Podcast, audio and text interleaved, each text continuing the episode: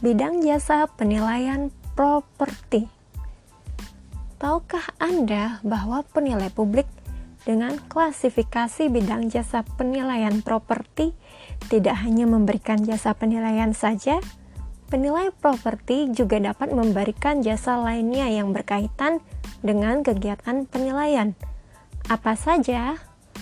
Untuk itu, mari kita membahas terlebih dahulu bidang jasa penilaian properti berdasarkan Peraturan Menteri Keuangan RI atau PMK 228 tahun 2019 tentang perubahan kedua atas PMK 101 tahun 2014 tentang penilai publik.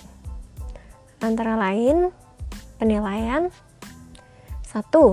Tanah dan bangunan beserta kelengkapannya serta pengembangan lainnya atas tanah Kedua, mesin dan peralatan termasuk instalasinya yang dirangkai dalam satu kesatuan dan atau berdiri sendiri yang digunakan dalam proses produksi.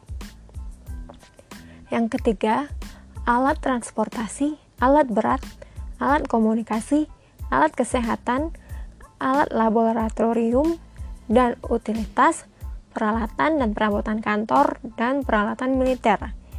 Yang keempat, perangkat telekomunikasi, termasuk peralatan pemancar dan penerima jaringan, satelit, dan stasiun bumi.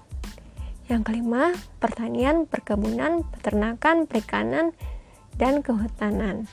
Dan yang keenam adalah pertambangan.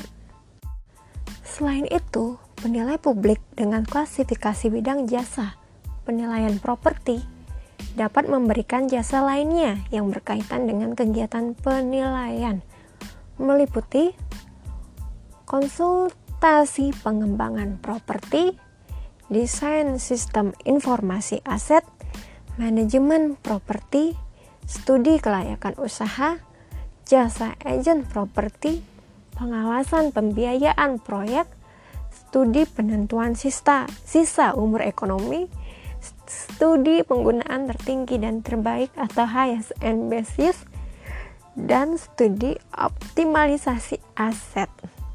Apabila Anda memiliki kebutuhan hal tersebut di atas, silakan kontak langsung penilai pilihan Anda.